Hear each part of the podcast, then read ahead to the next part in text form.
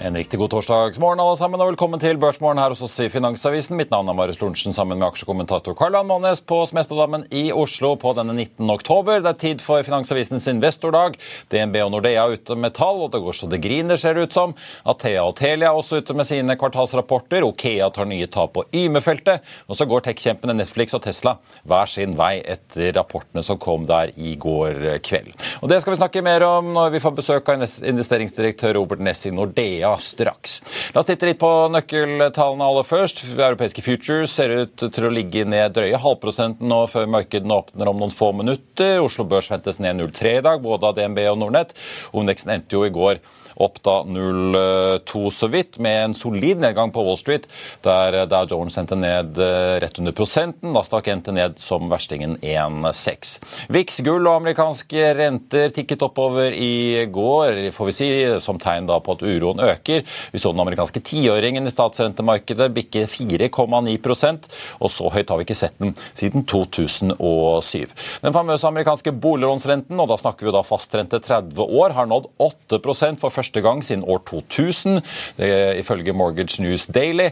og Jeg får bare minne om da at vi lå på rundt 3% for et, bare et par år siden. I går så, så vi Nvidia falle 4% til. Tesla ligger ned den 4,2% i etterhandelen etter sine kvartalstall. Netflix opp nesten 13 på en positiv overraskelse derfra. Når det gjelder Asia, så ser vi at den dårlige stemningen som preget Wall Street i går, har smittet over med en bred og ganske solid nedgang på rundt 2% på de fleste store indeksene der. Nordsjålien er litt ned, men ligger fortsatt på 91,20. Og så får vi også merke oss at Telenor går eksklusiv utbytte i dag på 4 kroner og 40 øre aksjen. Og Apropos Telekom, Nokia skal kutte kostnader med pluss-minus en milliard euro. De kunngjorde torsdag morgen planer om kostnadskutt som på sikt da vil gå utover 14 000 ansatte. Og så er det da også, som jeg tenkte å få med også Okea, som jo tidligere varslet at de ville komme med en oppdatering på Yme-feltet i en tredje kvartalsoppdatering. Den har kommet nå på morgenen, og det er altså klart at de kommer til å skrive ned Yme-feltet med inntil en halv milliard kroner til, grunnet da lavere volumer i reservene på Yme og Det betyr etter skatt nedskrivning på, eller tap da, på mellom 100 og 110 millioner kroner for Okea. Dette er jo et uh, historisk trøblete felt for alle som har vært borti det Yme-feltet. Nå er det jo Repsol som er operatør. og Så får vi så ta med at Okea påpeker at selv om reservene tas ned, så kompenseres det delvis av økte fremtidige oljepriser som er lagt inn i estimatene. Inntektene til Okea økte for øvrig fra andre til tredje kvartal fra 1,7 til 2,1 milliarder. Endelig tall for tredje kvartal det får vi 26.10. Så har LNG-selskapet Cool Company inngått finansieringsavtaler om salg og tilbakeleie av nybyggingene sine Cool Tiger og Cool Panther. Så disse avtalene er basert på en fast dagrate i ti år, og styrker Cools fremtidige kontantstrømspotensial vesentlig, ifølge selskapet selv. Da skal vi snakke storbank eh, aller først, Karl Johan, før vi tar inn eh, Robert Nes. Eh, DNB, Kjersti Bråten ute med tall i dag. Det ser ut som det går riktig så bra nok en gang? Ja, vi må jo markere dette mer enn bare å lese opp tallene og si at dette her er jo liksom bibelsk. De siste skal bli de første ti år siden så var DNB den billigste aksjen på, blant de nordiske bankene. Eh, verdsatt under bokført verdi, som betyr at da markedet ikke engang stolte på at eh, selskapet skulle klare å, å, å liksom gi avkastningen eh, som, som, de skapte. Da. Så, og nå er det 1,5 ganger bokført verdi. Det var, har lenge lagt i tet sammen med SEB og på 1,3, men nå har DNB dratt ifra. SEB på 1,4, Nordea på 1,34, Swedbank på 1,3, Handelsbanken 1,05 og danske 0,84. SR-Bank også inni her med 1,2. Men DNB har altså gått fra å være sist til å være først. Og det er jo ikke rart. det altså Egenkapitalavkastning 16,3% mot 13,6% i fjor. Ja eh, samme periode. Og de sier de skal gjøre tilbakekjøp av aksjene med 1% Det er jo ikke så mye. og Det forventes jo utbytte på 14 kroner, 5,6% og ja, Så nå er det Men analytikerne ser jo dette her, at det begynner å bli dyrt. altså på tross av veldig gode resultater. Det er bare sju kjøp og, og seks salg i forhold til seks salg. da. Tolv av hold. da, så det Analytikerne de ser jo på tallene og de begynner jo å sette på bremsen og sier at Eh, nå er det liksom, Dette er blitt den dyreste aksjen. Da må du fortsette å levere på disse her nivåene. her. Og eh, når du ser da hva som skjer altså Hele norske banksystemet er jo bygd opp rundt eh, eh, lån med pant i fast eiendom. og Når du da ikke selger nye boliger og folk ikke har råd til å kjøpe boliger, så, så kan jo det hende det at det blir litt færre lån og litt dårligere lånevekst der. og eh, Det er jo ikke sånn at eh, DNB er totalt isolert fra hva som skjer i resten av ja, for Jeg tenkte jeg bare slo for å være helt sikker, men jeg syns jeg så 17-tallet på Nordea på egenkapitalavkastning. 17,9, eh, men det går jo. altså. Det er jo ja. Det blir jo holdt jeg på å si, mindre nyanser å regne, for det går jo veldig bra for hele sektoren. Handelsbanken meldte i går om sitt beste kvartal noensinne. Men jeg, det som slo meg litt med DNB, var jo det ene er at de øker tapsavsetningene mer enn ventet til nesten, milliarder, eh, til nesten en milliard da i kvartalet. Var ventet tre kvart milliard omtrent. Men resultat før skatt nesten en milliard bedre enn ventet. 13,2 milliarder. Ja. Det er jo Men det er klart, krona, krona har jo blitt Krona har jo mye svakere, da, så vi måler jo igjen uh, svekka valuta. og det er jo mye, det er mye som kommer. Stor utenlandsaktivitet. da, Når du veksler det om til kroner, så blir det flere kroner av det. Ja. Så det er jo en... Så det er vel spørsmålet hva som egentlig skjer under panseret. for Selv om det går, det er veldig bra netto renteinntekter, bankene har jo hatt en veldig god periode nå idet sentralbanken har skrudd opp uh, sine renter. Uh, men folk lurer på hva som egentlig skjer på kammerset, om det er uh, mye stressede kunder og potensielle mislighold lenger ned i veien her? Du vet, Det er en plante som heter arkitektens trøst, Marius. Og inflasjon er jo økonomens trøst. Den dek dekker jo over veldig mye. Så hvis du får en periode nå med litt inflasjon, så Eh, det dekker jo over ganske mye. Da. Det, og, det, og, det, skader jo de som, har, eh, de som da ikke har realaktiva på lengre sikt, men, men det, det, er for tidlig å liksom begynne å, å, å ta pengene ut av pengemarkedsfondene sine av den grunn. Men inflasjonen dekker over mye. Men i, i tillegg da, så har du fått en mye svakere krone. Krona er vel ned med 30 eller noe sånt, sånn som svenske kronen og canadiske dollar og New Zealand. og ja, Vi er liksom scan landene, og vi, vi, går jo i takt. Og det er klart det spiller jo inn det også oppi dette. Ja.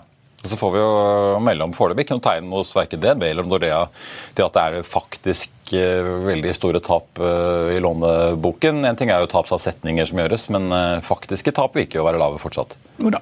Men det, er klart, her, ja, men det er klart når, du, når, du, når, du, tjener så mye penger, så blir det politisk press mot å fordele etter behov. Og, og de har jo begynt med å liksom gi, sette av 1 milliard kroner til boliglån for unge. Det er klart, du må jo de har jo Martin Kolberg på ryggen. Ja, ja, ja og det blir, det blir ikke mindre press av dette her. Så, så, så, så det, vil jo, eh, det vil jo bli eh, satt av. Satt av. Hvis ikke politikerne gjør det, så må man prøve liksom å få hjelpe de unge inn i boligmarkedet uten at man da lurer de da. Eh, ser ut som DNB starter ned 4% fra start, med en hovedvekt som riktignok starter ned nesten prosenten. Men eh, er det noen spesiell grunn til at markedet er skuffet over tallene sånn? Eh? Nei, Det eneste er jo det at tiårsrenten i USA fortsetter jo oppover. Den er jo var opp seks basispunkt i går, opp fire-fem basispunkt til i natt. Så, det er jo Obligasjonsmarkedet er i ferd med å ta over styringen på pengepolitikken i USA. at det, Hvis ikke sentralbanken klarer å styre dette. Og kapitalen er jo internasjonal, så eh, det, kan, kan, det være at folk er skuffet over utbyttenivået? At ikke det kommer mer?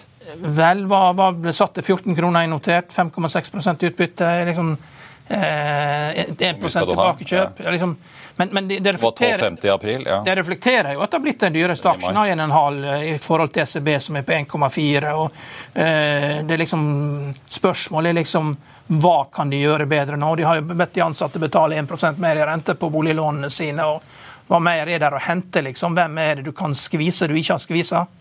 Og Innskuddskundene blir, blir jo skvisa, men ja. de må jo våkne. da. Altså Hvis du har store penger på innskudd, så, eh, og det finnes bedre alternativer, du må få pengene over pengemarkedsfondet. Altså, det nytter ikke bare å klage, du må gjøre noe med det også. Får følge med. merke meg for øvrig Nordea opprettholder guidingen sin for resten av året. Da, så ingen tegn til noen kursendring eh, foreløpig.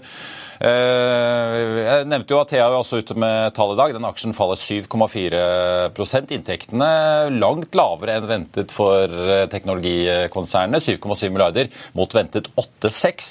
I fjor på samme tid så var de altså 8,1, så en ganske negativ utvikling eh, på topplinjen for Athea.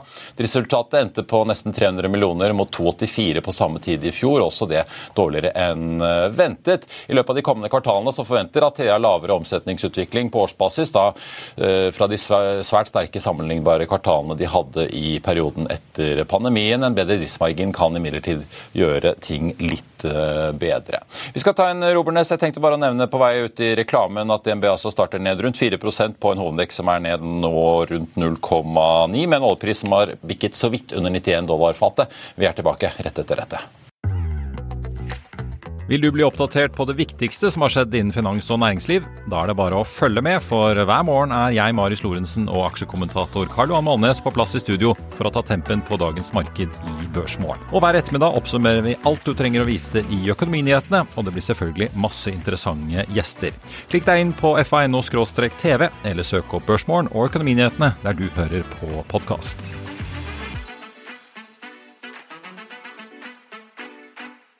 Velkommen tilbake, dere. Idet Robert får satt seg i stolen her og Karl Johan har begynt å varme opp til en prat om Bank America, så tenkte jeg vi må snakke Tesla aller eh, først, eh, dere. Aksjemarkedet, Robert, virker å være litt eh, skuffet over hva Elon Musk kom med i går. Hvordan tolker du tallene? For de har kommet med leveransetall i forkant allerede? Ja, så tallene var litt skuffende. Marginen var dårlig. Hvis du ser på bruttomargin før disse subsidiene forsvant på 16,9 og Det var det laveste siden andre kvartal 2019. Så det var lavere marginer enn ventet. Akkurat når børsen stengte, så var det litt håp om at det skulle gå bra likevel, for disse cybertrykkene blir levert fra med november. Men så på det grundige conference callet så kom det egentlig fram at det bare noen få som kommer i år. Det kommer ganske få til neste år.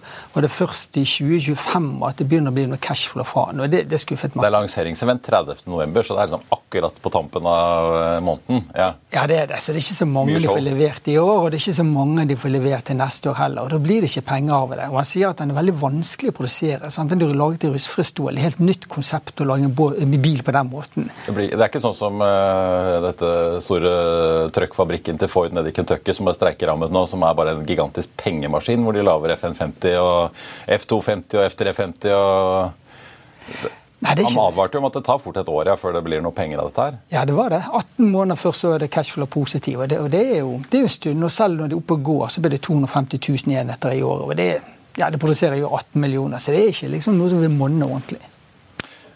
Elon Musk sa at ting kan bli ille. og Han beskrev jo Tesla selv som et solid skip, men han sa storm er storm. Så selv om ikke vi synker, så, så mente han at han sier ikke at ting kommer til å bli det, men han sa at ting kan bli ille et tegn på at han er litt bekymret for uh, forbrukeren om dagen? Jo, Han, han sier han har PTSD for hva som skjedde i 2009 når Tesla holdt på å gå konkurs. Han sier jo det, og, og, og GM og Ford hang i, i repene. da, men men det som skjer, spiller jo rett inn i Teslas fordel. Altså, En Tesla er jo nå billigere enn en gjennomsnittsbil i USA. I USA så har du hatt et helt sjukt bilmarked der halvparten kjøper altfor store trucks det som er altfor dyre og ikke noen spesielt gode biler. Men du kan ha det, for du kjører jo stort sett bare rett fram i 55 miles. liksom, og, eh, og så er Det er ikke noen rundkjøringer engang. Det er liksom sånn, og så er det ut, ut til høyre. Det, det, det, liksom, det, er ikke drømmemarked for gode biler som Saab. Det er ikke rart i, i, i konkurs når, når, når, du får fokus på liksom at det er omgjør bare å ha en stor bil, da, en kassebil som ikke er spesielt avansert. Så det er rom for USA til å få litt religion. da, så Hvis bensinprisene er veldig høye, kommer det elbiler inn. Det er bare 10% penetrasjon. De de, jo, de, dominerer jo markedet fullstendig. Bilene blir billigere og billigere. Så hvis de hadde klart å, å, å få produsert noe mer og tatt større markedsandeler, så ligger markedet i USA veldig åpent for Tesla. De har jo egentlig bare én konkurrent, og det er kinesiske Byd. Eh, Stellantis tror jeg har 9% markedsandel i USA. Eh, og, og, og, kinesiske biler tror ikke blir så veldig populære i USA. Det eneste problemet med Musk er at han er fra Sør-Afrika. Han har bodd i Canada, så har han bodd i California. Jeg tror ikke han jeg tror ikke han skjønner hvor lite populære små biler er. Altså, i, i, I Texas så heter det jo 'No small cars, no small dogs'. Og, og, og modell 3 Cybertrucken er ikke liten. Nei, men den er, Har du sett det, bilder av den? Ja, men det er bare show. Det er bare show. Altså, det, han skal selge en million av dette her da. Eh, det er én million som er bestilt. da, Han regner med 250 000 skal bli produsert i 2025. Men cybertrucken, altså skal du selge den type biler, så må du male gule eller røde. ikke sant? Det er jo det som, Sånne type biler det, altså Skrik folk som vil ha oppmerksomhet, de skal ha gule eller røde biler. Dette kan jo Robert alt om. Men 1,8 guidingen er jo 1,8 millioner biler uh, levert ja, levert ja, i år. Ja, så er jo, de har blitt store. Ja, Det er store. Det er ikke lenge siden de var langt under millionen. Nei, så, så, de har lykkes på mange måter. De tjener jo godt med penger. Men problemet er at de tjener litt mindre enn i fjor. Og nå begynner analytikerne å se nøye på 2024-estimatene, og de har de tatt kraftig ned nå i natt. Fordi at det skjer egentlig ikke så mye positivt til neste år. Og det verste av alt er i 2025. Da skulle modell 2 komme og revolusjonere markedet. Men nå sa han at fabrikken i Mexico skal produsere modell 2. Den eh, er ikke helt startet. Den begynner å dra litt på det.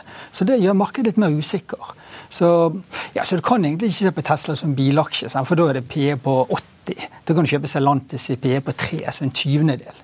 Så det Han brukte mye tid på å fortelle at de hadde kjøpt 10 000 av Nvidia sin H100-prosessor. Det ville koste 300 millioner dollar, altså 3 milliarder kroner, for å trene opp for å bli bedre på AI. Så Det var liksom narrativet. Så de som liker Tesla-aksjen, de ser mer på som en AI-aksje. Og at den treningen de har der, den erfaringen de har der for å analysere videoer, det kan hjelpe det egentlig til å bli ledende AI-selskap. Eller et infrastrukturselskap. Jeg så i går når til og med BMW kastet seg på i Nord-Amerika og skal bytte ut ladepluggen sin med Tesla sin, så nå har de vel stort sett fått eh, de fått GM og Ford, og Kia Hyundai er vel med, og stort sett rubb og stubb av bilprodusenter bilprodusenter til å kaste om deres standard og ladeopplegg. Ja, absolutt. Og så har jo de selvfølgelig batterivirksomheten. Den gikk faktisk bra, energibiten. Den gikk litt bedre enn ventet. Disse solcellene gikk litt svakere enn ventet, men energibiten gjorde det, gjorde det bedre enn ventet. Ja. Det var jo Tesla som startet eh, Vi kan vel si at det var de som startet priskrigen på bilen med å begynne å kutte prisene på starten av året? Definitivt. Men eh, vet vi ennå om de faktisk gjorde det rette på en måte var tidlig ute på noe som de så komme, eller om de gjorde seg selv en bjørntjeneste ved å begynne å kutte prisene? Klar For et år siden trodde de at de skulle selge 1,8 millioner biler i år. Det ser ut til å stemme, men i mellomtiden kutter prisen med 30% Så de som skeptiske, sier at det egentlig ikke har noen hensikt. De kunne kanskje bare holdt, holdt prisene og solgt det samme. Det, det, vet jo en ikke, men eh, det er iallfall en del som stiller spørsmål med det. Sant? Og De store produsenter liker jo ikke den strategien. For kundene blir jo ikke så glad at billige blir så mye billigere, de taper så mye. Så, så, de har vært alene om den aggressive prisstrategien. Vi får se hvordan det går med Stellantis. De har byttet sjef i Jeep nå, som jo er det mest lukrative merket, ja. eller har blitt for det. Nei, men det, det, amerikanske markedet ligger åpent til altså for uh, billigere og bedre biler, hvis man bare kan få folk til å, til å begynne å bruke, akseptere elbiler. da. Jeg merker meg Produksjonskosten sier Tesla har gått ned til 37 500 dollar eh, per bil i snitt. da. Nå er vel snittbilen i USA selges vel for 48, så da har de jo litt ja. marginpotensial eh, der. Du, dere Skal vi snakke litt uh, om alt det andre som skjedde på Wall Street i går? United falt jo nesten 10% men det skjer mye på bank og finans også. Morgan Stanley falt nesten 7% på sine tall. Og så har vi jo Bank of America da, Robert, som du har vi, vi, må ta det med Morgan Stanley først. Vi tar Morgan Stanley først. Ja, Årsaken til det er jo at eh, de har jo ikke gjort sånn som formue gjør, at du må betale for å ha kontanter hos de. Og I USA så er det sånn eh, etter, etter finanskrisen så var det sånn at Før finanskrisen så betalte du per transaksjon, og, og etter finanskrisen så la de en modell så tar de 1% av investerte midler. Men det du har i kontanter, det slipper du å betale for. Og Det er bare formuen som klarer å betale, ta betalt for det. Og det er klart Veldig mange tar nå pengene ut av risikoassets og setter de i, ut av det systemet. Så det har vært en liten strategisk tabbe oppi dette. Og Det rammer jo for Morgan Stanley har blitt wealth management. Det er der pengene ligger. Det er det som er store butikken for dem. Avtroppende sjefen her merket meg, snakket om at investment Banking var det jo lite aktivitet, men han, beskrev det jo som en um, flom av dealer som ventet på at man bare skulle se den siste renteøkningen til Fed i USA, som han visste at det ikke ble mer. Og da kom bare flomportene til å åpne seg, men det fikk ikke han glede av, for han skal jo gå av. Skal vel pensjonere seg eller hva han skal, men uh, ja. ja altså, det, det er jo kraftig fall for en stor finansinstitusjon likevel? da? Ja, det er jo det. Sant? Og vi ser I forhold til deal-markedet så så vi den Birkenstock som virkelig kollapset. Sant? Og Det gir jo litt mindre appetitt for, eh, for det segmentet. Så ja, de trenger å bevise litt. Jeg tror det er lett for han å si når han er på vei ut. Jeg tror han har brukt tida på avskjedsfester. Jeg tror ikke han har sett hva som har skjedd med tiårsrenten den siste måneden. Den var opp med 60 basispunkter i går, og nå er den opp med nye 10 i dag til. Så det er jo helt klart at uh, Robert har jo et poeng når han ser at, uh, sier at uh, verdiene på de mark markedsverdiene på obligasjonene har falt kraftig. Og heldigvis så er det noen da som slipper å ta markedsverdien på dette her, som bankene. som Robert skriver. Robert, du er jo forvalter. Nordea skal jeg ikke spørre deg om, for der jobber du jo. Men uh, vi ser DNB nesten ned 5% fra start i eh, dag. Uh, antar du holder et øye med Norges største bank som forvalter. Ja. Ser du noen åpenbar grunn til at den faller så mye fra start? Nei, Hvis du ser på bunnlinjen, så skulle den steget. Men eh, hvis du ser på detaljene, så ser du rentemarginen var litt Eh, litt på den skuffende siden. Utlånstapene var kanskje litt høyere. Og så er det litt sånn tradinggevinster som var veldig positive. Sant? Men trading det, det, går litt opp og ned, så det ser ikke markedet på. Så det er nok litt mer av marginen var litt skuffende og tapene. Og så samtidig har jo kursen gått greit, for man har sett at dette går bra. Så det er nok mer en refleksjon over at uh, man ser for seg at dette kommer til å bli kjempebra tall, og så, så ble det litt skuffende justert. og da da er det mange som kaster kortene. Sånn, folk visste det skulle bli bra lenge, så dermed har de som skulle kjøpe, har kjøpt for lengst. Ja, Så det er fortsatt bra tall? det er bare ja. Forventningene var litt kanskje for høye? Ja, jeg tror ja. egentlig mer det. Skal vi snakke om eh, Holde oss til bank, da, for Bank of America eh, har jo da disse, en stor portefølje med obligasjoner da de skal holde til forfall, som eh, de da ikke bokfører løpende verdiendringer på, sånn at det blir en urealisert post her som begynner å bli ganske stor med det økte rentenivået. Jeg så langt nede i kvartalsrapporten så finner du denne tabellen, og disse tapene er altså oppe i 100 og godt, ja, 132 milliarder dollar. Har steget fra 106 mm. på ett kvartal. Ja. Og jeg bare tenkte sammenligne resultat etter skatt i 2021-2022 i hele Bank for America rundt 30 milliarder dollar. Ja. Og det er store tall. Det er så, så det er, det er jo store tall. Det er helt enorme tall. Sant? Det er så fascinerende når du ser på resultatpresentasjonen til selskapet det de snakker om, så nevner de ikke dette en eneste gang. Du må inn i notene med en gang, og der står tallet. Og Altså, det, det, er vel merkelig med reguleringen, egentlig. Så, men Nå har vi for vidt 30 år med farlige renter. Det har ikke vært noe problem. Men nå når rentene stiger og det er store tap, så er det noe som bankene offisielt ikke snakker om. Reguleringsmyndighetene snakker ikke om det. Men det betyr mye. Som banken skryter over at de har en egenkapitalandel på 11,4% Det er mer enn 2 bedre enn kravet, så de er veldig solide. Det skriver de sjøl.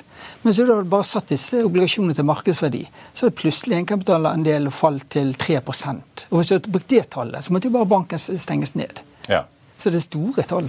Og Brian Moynihan, konsernsjefen i Bank of America, ute på CNBC i går og sa dette har de vært klar over. De, satt, altså de har jo 1900 milliarder dollar innskudd. Derfor tar jeg rundt 1000 i utland. De har mye, I motsetning til DNB mye mer innskudd enn de har utlån. Så valgte de å sette halvparten i kortsiktige papirer, halvparten i langsiktige, som er jo tross alt statsgarantert. Så så lenge de ikke må selge dem, så blir det jo ikke noe realisert tap. da, ja, Du får ikke så mye renteinntekter på det, men det er jo ikke noen overraskelser?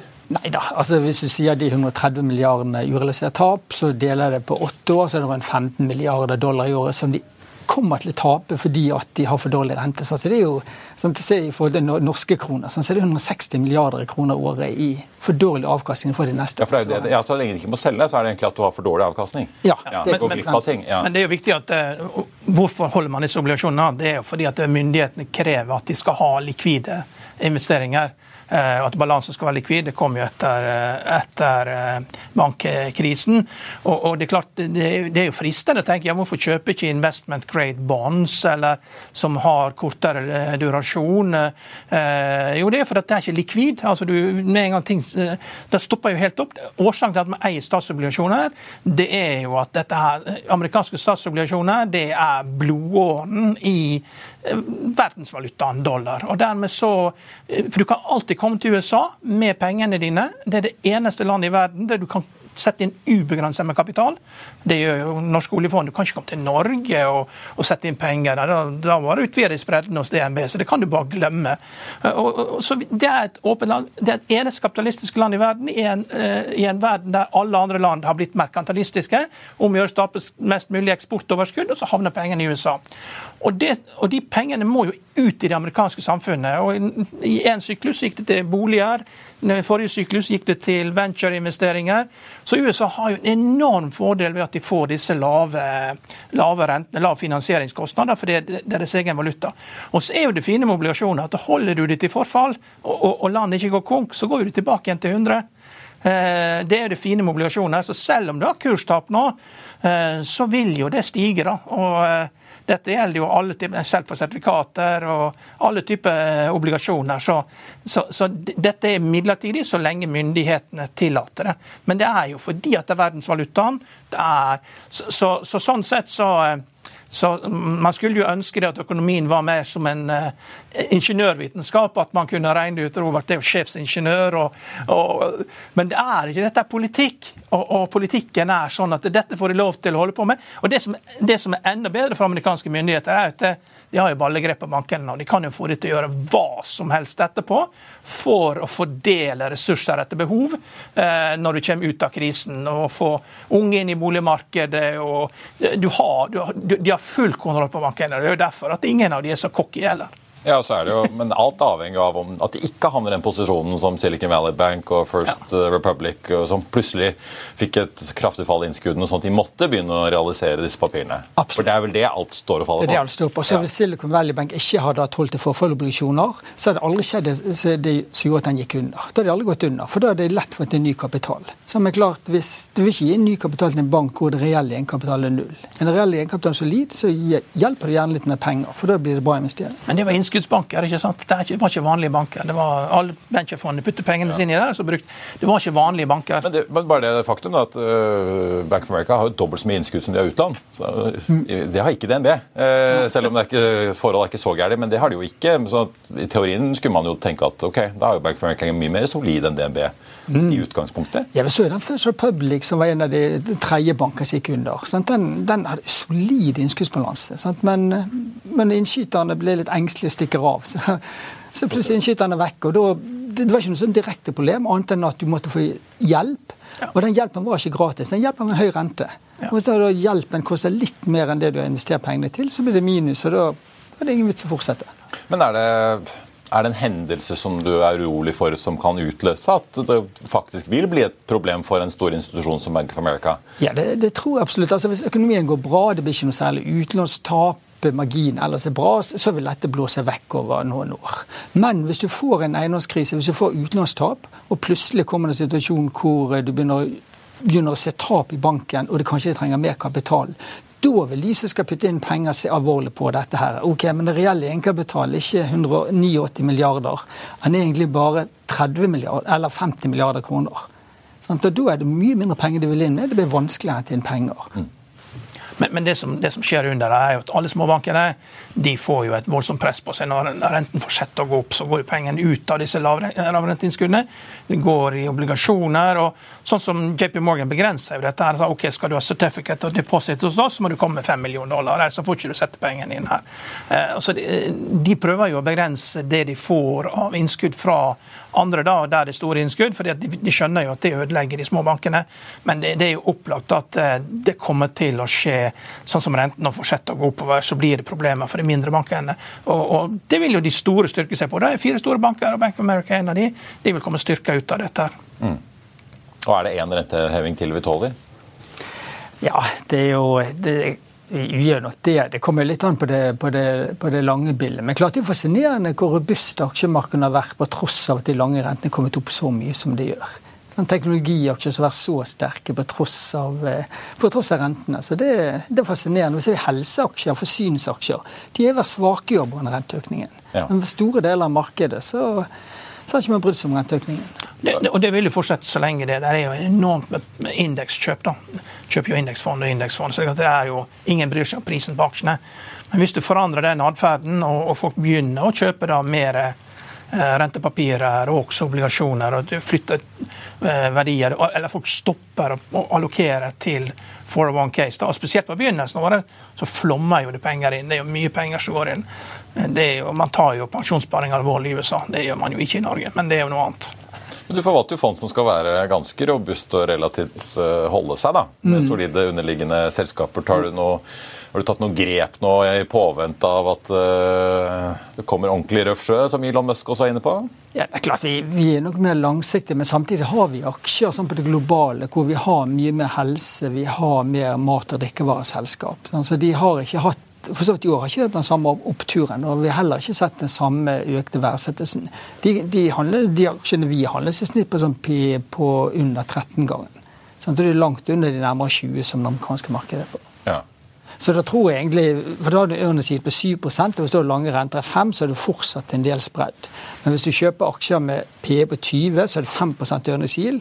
Og hvis du har lange renter også er 5% så har du null i spredd. Og da er du mer utsatt. Er appetitten øh, over for å sitte med bankaksjer? da? Litt apropos den utviklingen vi ser i DNB, hvor forventningene har vært øh, så høye at de, de, klarer ikke å levere, selv om det, på en måte, det fortsatt går veldig bra. Altså, Glass er det bankaksjer, kanskje mer sparebanker i Norge. så på pris i forhold til inntjening, så er det bra. Har du tatt en teoretisk smell og sagt sånn er egenkapitalavkastningen, så skal prisbok være mye høyere.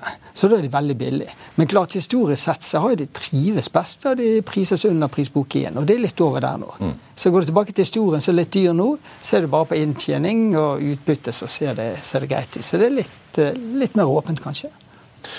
Vi, har du noe på hjertet på Netflix? da? Ja, absolutt. Veldig bra, får vi bare nevne på slutten. Eh, hoppet jo 12% i etterhandelen i går. Du har vel skrevet nå i over et halvt år at Netflix er vinneren i strømmetjenestene, og aksjen opp med 13% Uforandra inntekter på tross av veldig stor hopp i antall abonnenter. Det er jo fordi at eh, du endrer eh, abonnementsplanene. Det er billigere abonnenter, det er mer advertising, det er familieplaner.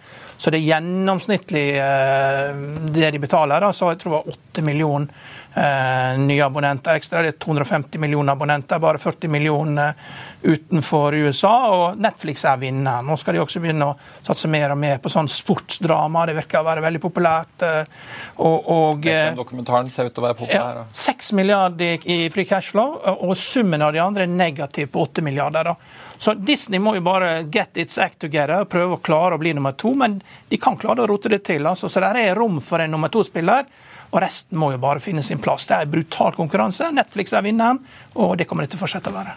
At... Men vær forsiktig med aksjen. Det er, liksom, det er ikke noe sånn der det er, det er, ikke noe sånn god stemning i aksjemarkedet. Man trenger ikke løpe etter den. Liksom, vi, la vi se hvordan dette her shaker ut før at uh, man begynner å løpe etter den. Nei, så kan det jo være at veksten nå er et resultat, litt sånn kortvarig resultat ja. av at de slår ned på passorddeling og folk ja. uh, oppretter kontoer for å fortsatt kunne se. da. Ja. Men ikke noe teit at folk kaster Netflix ut av husholdningen. Også, de, de, skulle øke prisene også. USA var opp fra premium liksom fra 20 til 23 dollar. og Økte priser, for de har prisingsmakt, eh, helt klart. Så Netflix er vinneren kommer til å fortsette å være det. Og, men bare, bare vent med å kjøpe aksjen ennå. Det er liksom Ja. Han.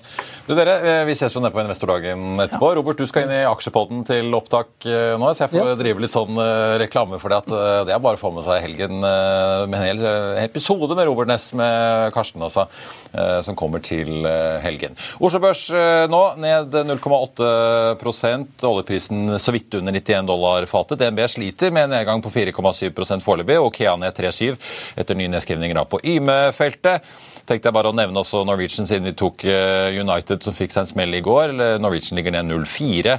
Bransjen sliter jo med dyrt drivstoff om dagen. Og så er det Athea da, som kommer ut eh, også med skuffende tall. Der er aksjen ned 7,9% Telia, som er ute, Telenors konkurrent, ligger opp 5,9% på Stockholmsbørsen etter deres kvartalsrapport. Nordea svakt ned, har ligget litt opp, men har falt litt tilbake. Nå ser vi. Ellers er Tekna Holding opp 2,5 på en stor ordre de melder om eh, nå på disse titaniums produktene deres. Det var børsmålen for denne torsdag 19.10. Økonominyhetene utgår jo da i ettermiddag pga. investordagen. Så selv om det ikke blir en sending, så kan jeg i hvert fall eh, love at det blir mye godt innhold fra investordagen som vil finne veien ut i podkasten vår i dagene og ukene som kommer. I morgen er det fredag. Da er Børsmorgen tilbake 08.55, og sjefen i Tomra er gjest. De slipper jo tall i morgen. Og Økonominyhetene 13.30 så får vi besøk av eh, dronesjef, holdt jeg på å si, sjefen i Nordic Unmanned, Harry Kristiansen. Så ikke gå glipp av det heller. Mitt navn er Marius Lorentzen, tusen takk for følget. Ha en riktig god torsdag, alle sammen. Vi ses.